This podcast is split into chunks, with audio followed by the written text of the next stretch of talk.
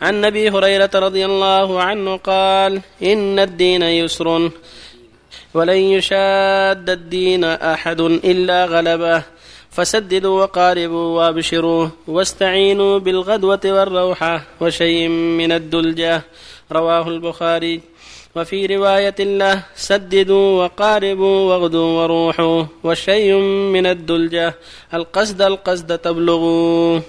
وعن أنس رضي الله عنه قال دخل النبي صلى الله عليه وسلم المسجد فإذا حبل ممدود بين الساريتين فقال ما هذا الحبل؟ قالوا هذا حبل لزينب. فإذا فترت تعلقت به فقال النبي صلى الله عليه وسلم حلوة ليصلي أحدكم نشاطه فإذا فتر فليرقد. متفق عليه. وعن عائشة رضي الله عنها أن رسول الله صلى الله عليه وسلم قال إذا نعس أحدكم وهو يصلي فليرقد حتى يذهب عنه النوم فإن أحدكم إذا صلى وهو ناعس لا يدري لعله يذهب يستغفر فيسب نفسه. متفق عليه. بسم الله الرحمن الرحيم. الحمد لله وصلى الله وسلم على رسول الله وعلى آله وأصحابه. أما بعد فهذه الأحاديث الثلاث كالتي قبلها في الحث على الاقتصاد في العبادة وعدم الغلو وعدم التكلف وأن المشروع للمؤمن أن يصلي ويتعبد نشاطه ولا يتكلف ولا يضر نفسه ولا يغلو لا في الصلاة ولا في غيرها. قل ما يقول جل وعلا قل ما أسألكم عليه من أجر وما أنا من المتكلفين. ويقول جل وعلا فاتقوا الله ما استطعتم. ويقول النبي صلى الله عليه وسلم هلك المتنطعون هلك المتنطعون. هلك المتنطعون ويقول صلى الله عليه وسلم إياكم والغلو في الدين فإنما أهلك من كان قبلكم الغلو في الدين. ويقول صلى الله عليه وسلم إن هذا الدين يسر الله جعله يسرا يريد الله بكم اليسر. ما جعلها حنيفة صعبة ولكنها حنيفة سمحة أحب الأديان إلى الله الحنيفية السمحة ليس فيها مشقة. الله وضع الآثار والأغلال عنا بعدما كلف بها من قبلنا. ولهذا قال صلى الله عليه وسلم إن هذا الدين يسر يعني ميسر ولن يشاد الدين أحد يعني يشادد وأحد فاعل أحد إلا غلبه يعني إلا غلبه الدين الدين أقوى والدين واسع وأعماله كثيرة فمن أراد أن يكلف نفسه بكل شيء من المستحبات مع الفرائض تعب وكلف نفسه ولكن يأخذ ما تيسر يصوم إذا تيسر النافلة يصوم الاثنين يصوم الخميس يصوم ثلاثة أيام من كل شهر يصوم يوم يفطر يوم حسب التيسير. أو لا يصوم بالكلية إلا الفريضة. وهكذا الصلاة يصلي الفرائض وما تيسر معها من النوافل من دون تكلف. هكذا الصدقة هكذا الحج هكذا الصيام إلى غير ذلك.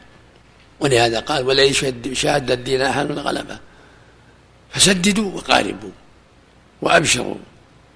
يعني يكون بالتسديد في العمل والمقاربة لما أوجب الله عليكم والحذر من الزيادة والغلو وأبشروا بالأجر العظيم وعليكم بشيء من الدلجة والغدوة والروحة. قال الله غدو وروحه يعني السير في أول الليل وفي أول النهار. السير في أول النهار الغدوة والروحة في آخر النهار. يستقبل النشاط. لأن السير في أول الليل وأول النهار أنشط للمسافر. والقول قال قال القصد القصد تبلغ. فالمؤمن لا يتكلف. بل يتحرى في العبادة جهده وطاقته ونشاطه من دون تكلف. وتقدم قول الله صلى الله عليه وسلم لما قال بعض الناس أما أنا فلا أنام والآخر قال أما أنا فلا أفطر والآخر قال أما أنا فلا أتزوج النساء. خطبهم وحذرهم من هذا وقال أما والله إني لأخشاكم لله وأتقاكم له ولكني أصلي وأنام وأصوم وأفطر وأتزوج النساء فمن رغب عن سنتي فليس مني.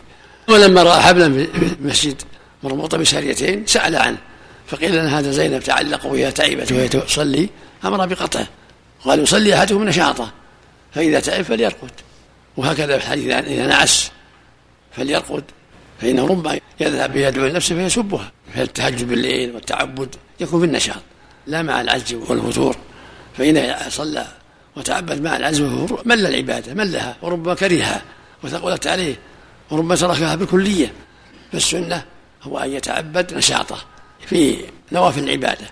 الفرائض يجتهد فيها ويؤديها كما أمر الله والنوافل حسب التيسير لا يشدد على نفسه ولا يكلفها ما لا تطيق هكذا ينبغي المؤمن.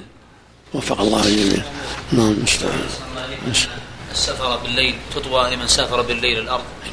يعني يسهل الله له بها السير لأنه في نشاط ورغبة ينتهي من أرض كثيرة وهو لا يشعر دلاجة في الليل. والأرض هي الأرض الأرض ما هي بتسير ما ما قارة.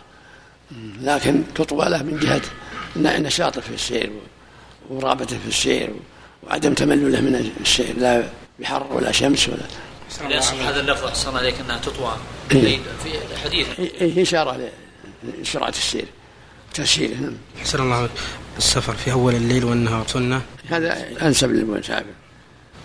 انسب للمسافر واعون على السفر كما قال صلى الله عليه وسلم وروح كيف يجمع بين الأمر بمجاهدة النفس والأمر بالاقتصاد في العبادة والطاعة؟ لا منافاة يجاهدها في أداء أراضي الله يجاهدها في ترك محارم الله ويجاهدها فيما تيسر من العبادة ولا يشق عليها.